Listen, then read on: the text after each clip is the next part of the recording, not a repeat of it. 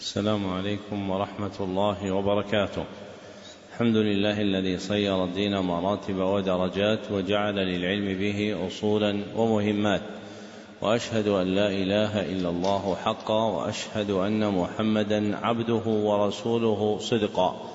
اللهم صل على محمد وعلى آل محمد كما صليت على إبراهيم وعلى آل إبراهيم إنك حميد مجيد. اللهم بارك على محمد وعلى آل محمد كما باركت على إبراهيم وعلى آل إبراهيم إنك حميد مجيد.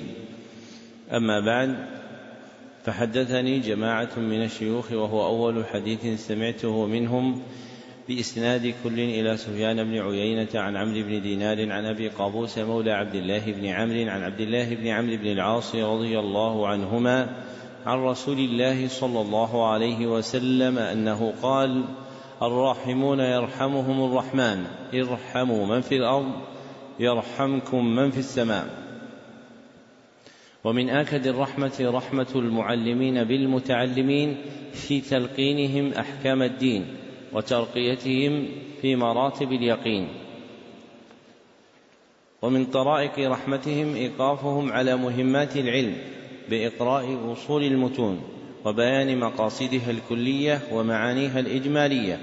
ليستفتح بذلك المبتدئون تلقيهم ويجد فيه المتوسطون ما يذكرهم ويطلع منه المنتهون إلى تحقيق مسائل العلم. وهذا المجلس الثالث في شرح الكتاب الحادي عشر من برنامج مهمات العلم في سنته السابعة سبع وثلاثين وأربعمائة وألف.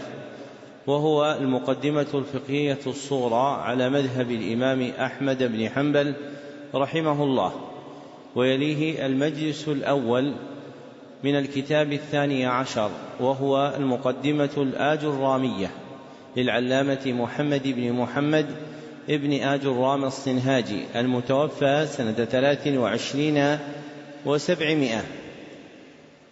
وقد انتهى بنا البيان في الكتاب الأول إلى الفصل الذي ترجم له المصنف بقوله فصل في مبطلات الصلاة.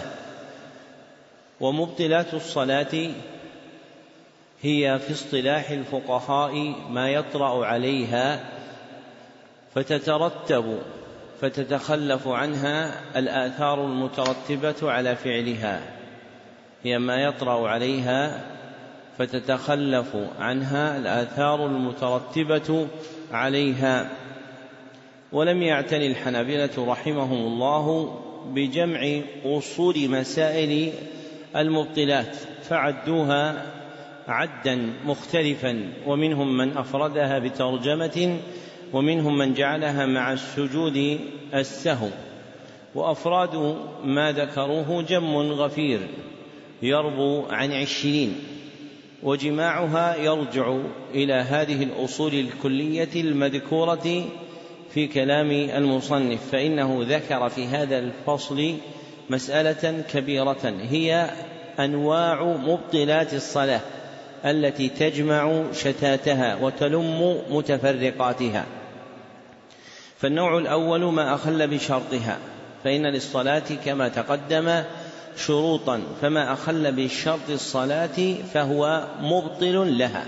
فما أخل بشرط الصلاة فهو مبطل لها كمبطل طهارة. فإذا بطلت الطهارة بحدث ونحوه بطلت الصلاة. قال واتصال نجاسة به أي بالمصلي. والمراد بالنجاسة هنا ما لم يعف عنه. والمراد بالنجاسة هنا ما لم يعف عنه. وتكون مبطلة الصلاة إذا كان اتصالها مع عدم إزالتها لقوله إن لم يزلها حالا. فإن أزالها حالا لم تبطل صلاته. فمتى اطلع على اتصال النجاسة به؟ كعلوقها بثوبه. فدفعها عنه وأزالها منه فإن ذلك لا يبطل صلاته.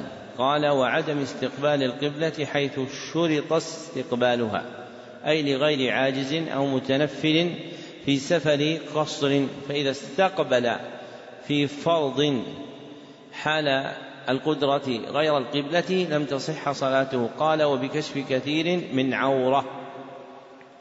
فكشف اليسير لا يضر والمبطل هو كشف الكثير إن لم يستره في الحال فإن انكشف فستره لم تبطل صلاته كقائم يصلي فعلته ريح شديدة أبدت منه عورته فضم ثيابه في صلاته فإن صلاته تصح لأنه ستر ما بدا من عورته حالا.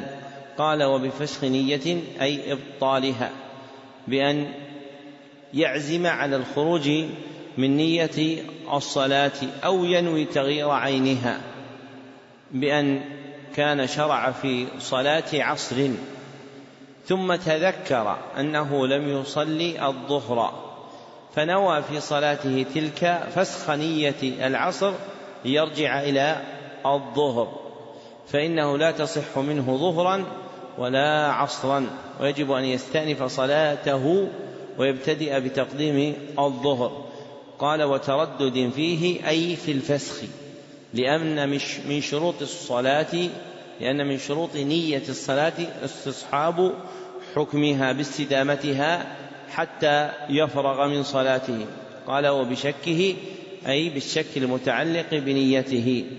قال والثاني ما أخل بركنها فالصلاة لها كما تقدم أركان فما أخل بركن الصلاة فإنه يبطلها كترك ركن مطلقا وزيادة ركن فعلي وإحالة معنى قراءة في الفاتحة عمدا أي تغيير معنى شيء من قراءة الفاتحة عمدا كضم أنعمت أو كسرها بأن يقول صراط الذين أنعمت عليهم أو أنعمت عليهم.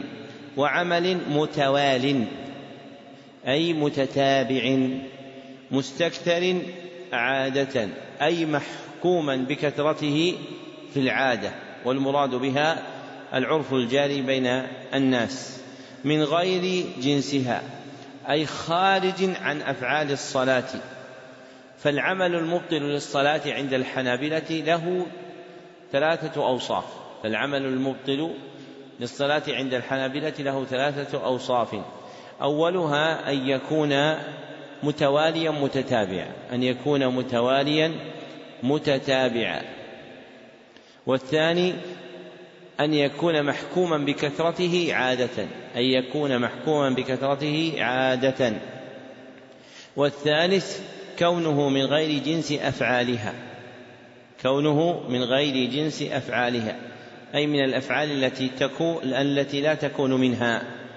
ويستثنى من ذلك ما ذكره بقوله إن لم تكن ضرورة كخوف وهرب من عدو ونحوه.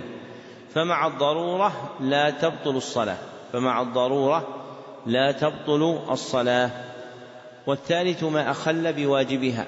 فللصلاة واجبات كما تقدم. ومما يخل بالواجب ما مثل به بقوله كترك واجب عمدا وتسبيح ركوع وسجود بعد اعتدال وجلوس. بأن لا يأتي بتسبيح الركوع سبحان ربي العظيم إلا في اعتداله فلا يسبح في ركوعه. ولا يأتي بتسبيح السجود إلا بعد جلوسه بين السجدتين فلا يسبح في سجوده ولسؤال مغفرة بعد بعد سجود أي لأجل تأخير سؤال المغفرة بين السجدتين حتى يأتي به في السجدة الثانية. قال والرابع ما أخل بهيئتها. وهذا شروع في جملة جديدة فإن المبطلات الثلاثة الأول أحدها يرجع إلى شرطها وأحدها يرجع إلى ركنها وأحدها يرجع إلى واجباتها. وجماع ما يخل بهذه الثلاث يرجع إلى أحد أصلين. وجماع ما يخل بهذه الثلاثة يرجع إلى أصلين. أحدهما تركه كلية تركه كلية بأن لا يأتي به تركه كلية بأن لا يأتي به. والآخر أن يأتي به على غير الوجه الشرعي. أن يأتي به على غير الوجه الشرعي.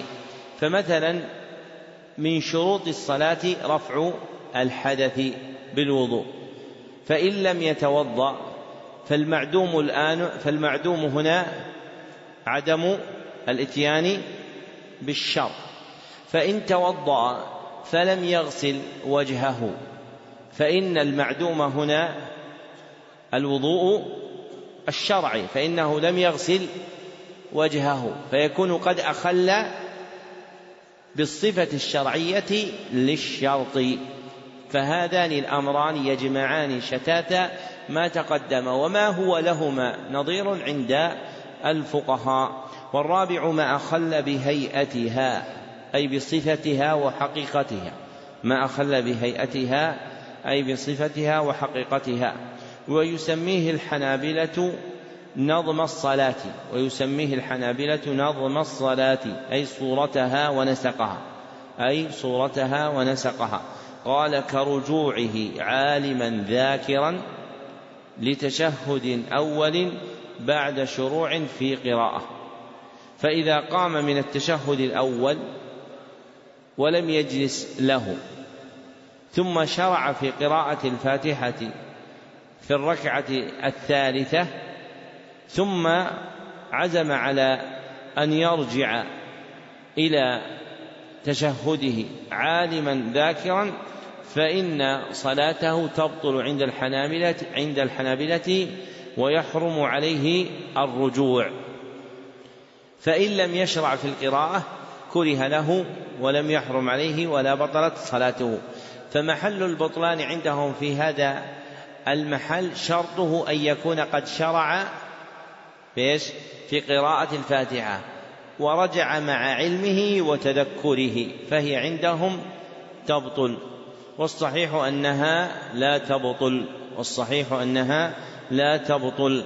قال وبسلام وسلام مأموم عمدا قبل إمامه لأن المأموم تابع لإمامه فإذا سلم قبله أبطل واجب المتابعة أو سهوا ولم يعد بعده أي سلم سهوا على وجه الغلط. ثم رجع إلى الصلاة وسلم بعد إمامه فإن فعل ذلك صح صلاته فإن سلم سهوا قبله ولم يرجع إلى الصلاة فلم يسلم بعده لم تصح صلاته لأنه فارق الإمام قبل انتهاء صلاة الإمام وتقدم مأموم على إمامه لأن صورة المأموم في الصفة الشرعية للصلاة أن يكون متأخرا عن إمامه وبطلان صلاة إمامه لا مطلقا. أي إذا بطلت صلاة الإمام بطلت صلاة المأموم. وهذا ليس على وجه الإطلاق. وهذا ليس على وجه الإطلاق. ولذا زاد مرعي الكرم أحد محققي الحنابلة هذا القيد. فقال وبطلان صلاة إمامه لا مطلقا وغيره يقول وبطلان صلاة إمامه فإن من صور الصلاة عند الحنابلة ما تبطل به صلاة الإمام ولا تبطل صلاة المأموم كما لو قام الإمام إلى خامسة سهوا فنبه فأصر ولم يرجع ثم تبين خطأه وبقي المأموم لم يتابعه فلما سلم سلم معه فإن صلاة الإمام باطلة وصلاة المأموم صحيحة. ثم ذكر المبطل الخامس بقوله ما أخل بما يجب فيها أي مما يتعلق بصفتها كقهقهة وهي الضحك المصحوب بصوت وهي الضاحك المصحوب بصوت وكلام فيها. ومن هذا الكلام سلام قبل إتمامها لأنه كلام في أثنائها فالسلام إنما يكون في آخرها عند الفراغ منها. ثم قال ولو قل أي الكلام أو سهوا أو مكرها أو لتحذير من هلكة.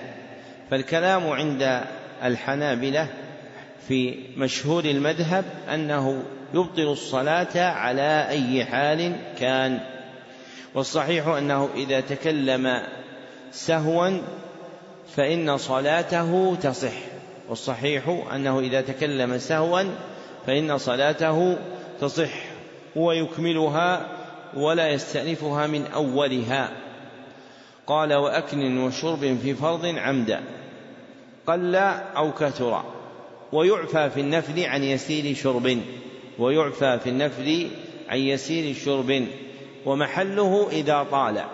ومحله إذا طال.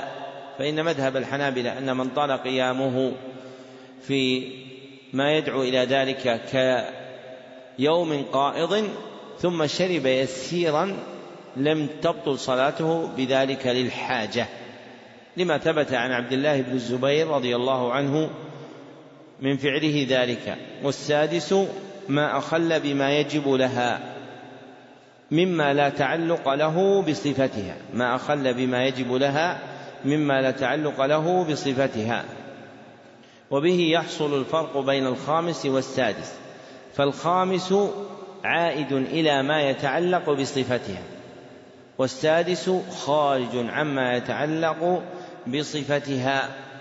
قال كمرور كلب أسود بهيم بين يديه في ثلاثة أذرع فما دونها. أي إن لم تكن له سترة. فإن منتهى سجوده هو ثلاثة أذرع. فإذا مر بين يديه كلب أسود بهيم أي خالص لا يخالطه لون آخر فإن صلاته قد بطلت. نعم. أحسن الله إليكم. قلتم حفظكم الله فصل في سجود السهو وهو سجدتان لذهول في صلاة عن سبب معلوم. ويشرع لثلاثة أسباب زيادة ونقص وشك وتجري عليه ثلاثة أحكام الوجوب والسنية والإباحة. فيجب إذا زاد فعلا من جنس الصلاة كركوع وسجود أو سلم قبل إتمامها أو ترك واجبا. ويسن إذا أتى بقول مشروع في غير محله سهوا ويباح إذا ترك مسنونا. ومحله قبل السلام ندبا إلا إذا سلم عن نقص ركعة فأكثر فبعده ندبا. لكن إن سجده ما بعده تشهد وجوبا التشهد الأخير ثم سلم. ويسقط في ثلاثة مواضع. الأول إن نسي السجود حتى طال الفصل عرفا. والثاني إن أحدث والثالث إن خرج من المسجد ومن قام لركعة زائدة جلس متى تذكر. ومن ترك واجبا وذكره قبل وصوله إلى الركن الذي يليه وجب عليه الرجوع وإلا حرم إلا إن ترك التشهد الأول فاستتم قائما ولم يشرع في القراءة فيكره. ومن شك في ركن أو عدد ركعات وهو في الصلاة بنى على اليقين وهو الأقل وسجد للسهو وبعد فراغه منها فلا أثر للشك. تمت بحمد الله ليلة الأحد الحادي عشر من جماد الثانية سنة إحدى وثلاثين بعد الأربعمائة والألف بمدينة الرياض حفظها الله دارا للإسلام والسنة.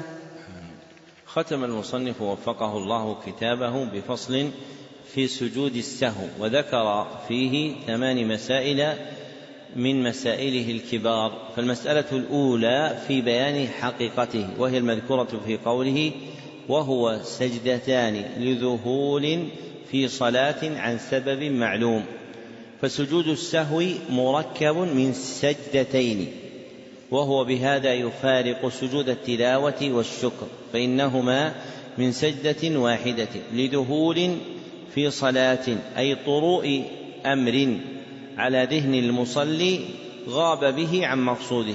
لطروء أمر على ذهن المصلي غاب به عن مقصوده. عن سبب معلوم أي مبين شرعا وهي أسباب السهو التي ذكرها في المسألة الثانية. فقال ويشرع لثلاثة أسباب زيادة ونقص وشك.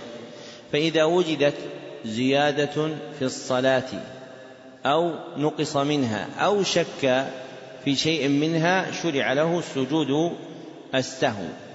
والتعبير بقوله شرع ينتظم فيه الأحكام المذكورة في المسألة الثالثة وهي قوله وتجري عليه ثلاثة أحكام الوجوب والسنية والإباحة. وأصل المشروع في خطاب الشرع أنه اسم للفرض والنفل وأصل المشروع في خطاب الشرع أنه اسم للفرض والنفل وربما أدرج فيه المباح في مواضع عند الفقهاء منها هذا الموضع وربما أدرج معهما المباح في مواضع عند الفقهاء منها هذا الموضع. ثم ذكر ما يمثل به لكل حكم من هذه الأحكام. فقال فيجب إذا زاد فعلا من جنس الصلاة كركوع أو سجود أو سلم قبل إتمامها أو ترك واجبا. فإذا زاد الإنسان ركوعا في صلاته أو سلم قبل إتمامها أو ترك واجبا من واجباتها فإنه يجب عليه أن يسجد للسهو. وهذه الأفراد يجمعها قول بعض الحنابلة فيجب لما تبطل الصلاة بتعمده فيجب لما تبطل الصلاة بتعمده فما بطلت الصلاة بتركه عمدا وترك سهوا وجب السجود له فما بطلت الصلاة بتركه عمدا وتركه سهوا وجب السجود له فمثلا لو أنه ترك متعمدا التشهد الأول فإن صلاته إيش؟ باطلة لأنه من الواجبات وقاعدتها أنها إن تركت واجبة بطلت الصلاة وإن كان تركه سهوا فإن حكم سجوده للسهو واجب ثم ذكر متى يسن السجود للسهو بقوله ويسن إذا أتى بقول مشروع في غير محله سهوا. ويسن إذا أتى بقول مشروع في غير محله سهوا. كأن يقول سبحان ربي العظيم في السجود. كأن يقول سبحان ربي العظيم في السجود. أو سبحان ربي الأعلى في الركوع. فيسن له أن يسجد للسهو حينئذ واستثنوا من ذلك فقالوا غير سلام. فيجب عليه أن يسجد للسهو. فإذا جاء بالسلام في غير محله يكون قد سلم من الصلاة قبل إتمامها. فيجب عليه السجود للسهو. ثم ذكر متى يباح فقال ويباح إذا ترك مسنونا. فإذا ترك مسنونا من مسنونات الصلاة أبيح له أن يسجد له. ومحل هذا في حق مريد فعله. ومحل هذا في حق مريد فعله. فمريد فعل شيء من سنن الصلاة غفل عنه يباح له السجود فيه. يباح له السجود فيه.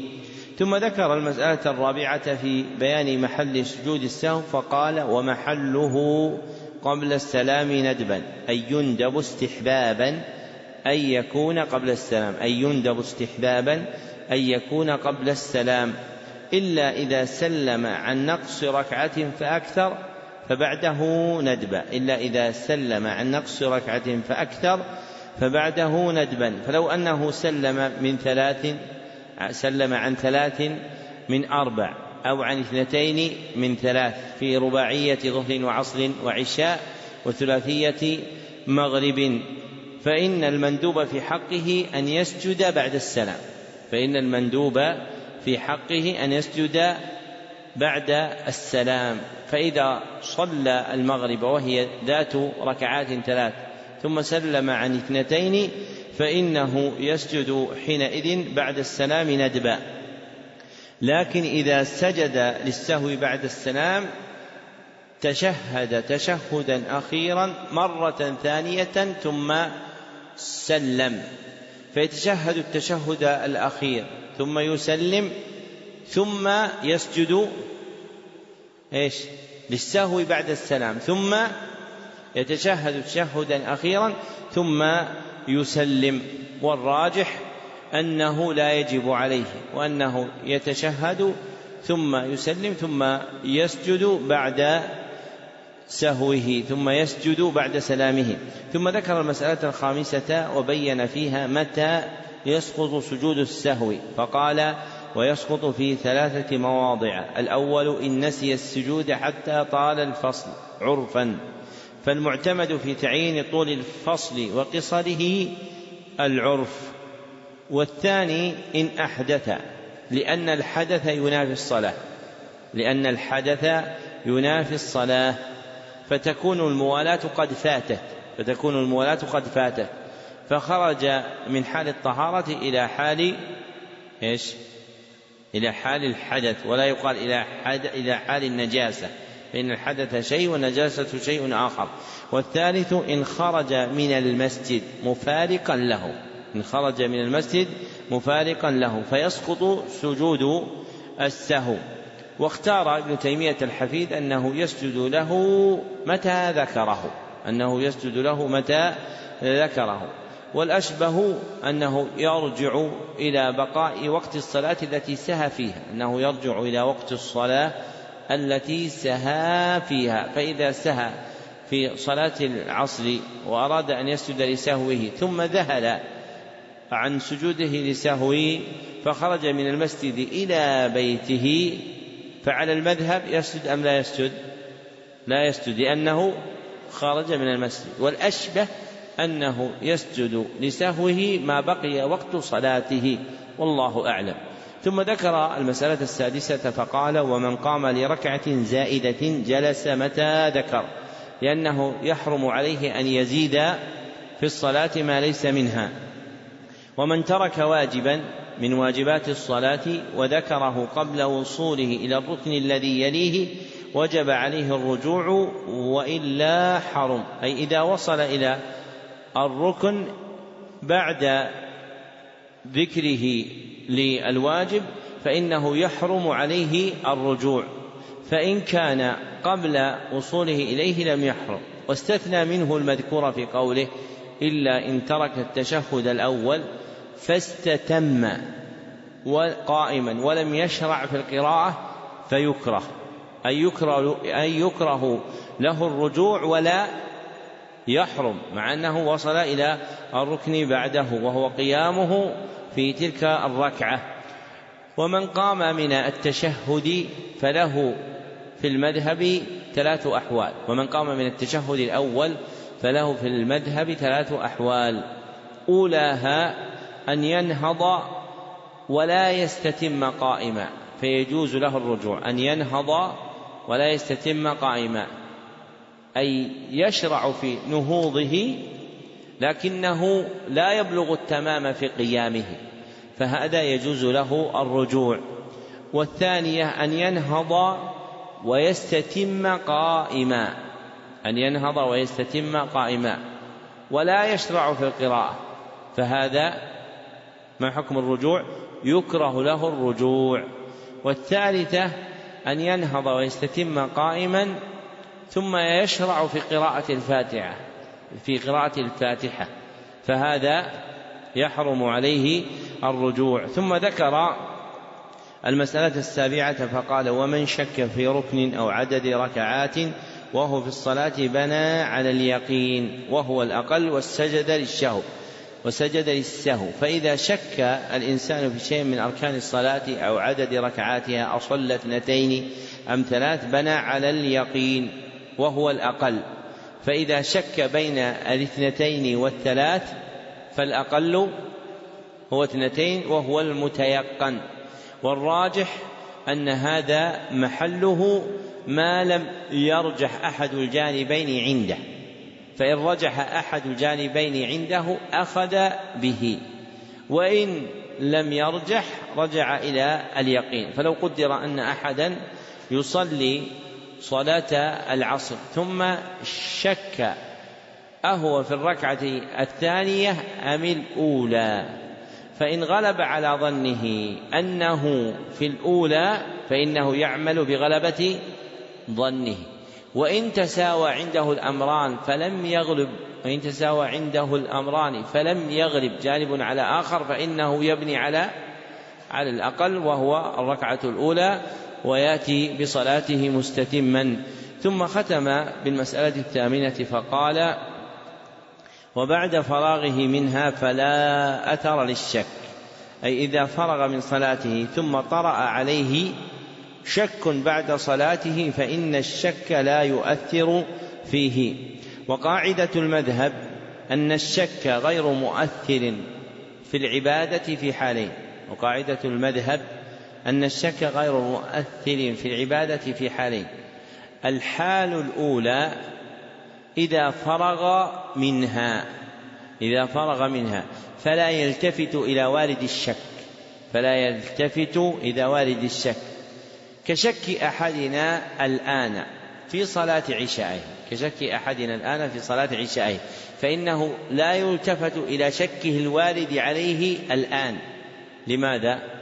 لأنه قد فرغ من العبادة التي هي صلاة العشاء والحال الثانية أن تكثر شكوكه أن تكثر شكوكه فلا يلتفت إليها فلا يلتفت إليها ولا يؤمر بالاستجابة لما تقتضيه ولا يؤمر بالاستجابة لما تقتضيه لماذا؟ إيش؟ لأنها تفضي به إلى الوسوسة لأنها تفضي به إلى الوسوسة. فمبتدأ الوسوسة شك فمبتدأ الوسوسة شك ثم تتزايد تلك الشكوك ويستسلم لها. ثم تتزايد تلك الشكوك ويستسلم لها فتغلب عليه. فمتى وجد هذه العلة وهي كثرة شكوكه أو عرف منه مفتيه أنه كثير الشك؟ فإنه لا يجعل هذا الشك مؤثرا في عبادته. ودواء الوسوسة عدم الاستسلام للشك والاستسلام لله. ولذلك في الأحاديث الواردة في الصحيح عند ذكر ابتداء الوسوسة للإنسان أنه يؤمر أن يقول آمنا بالله ورسله أي استسلمنا لله ولما جاءت به رسله. وبهذا نفرغ من قراءة هذه المقدمة الفقهية الصغرى على مذهب الإمام أحمد بن حنبل رحمه الله.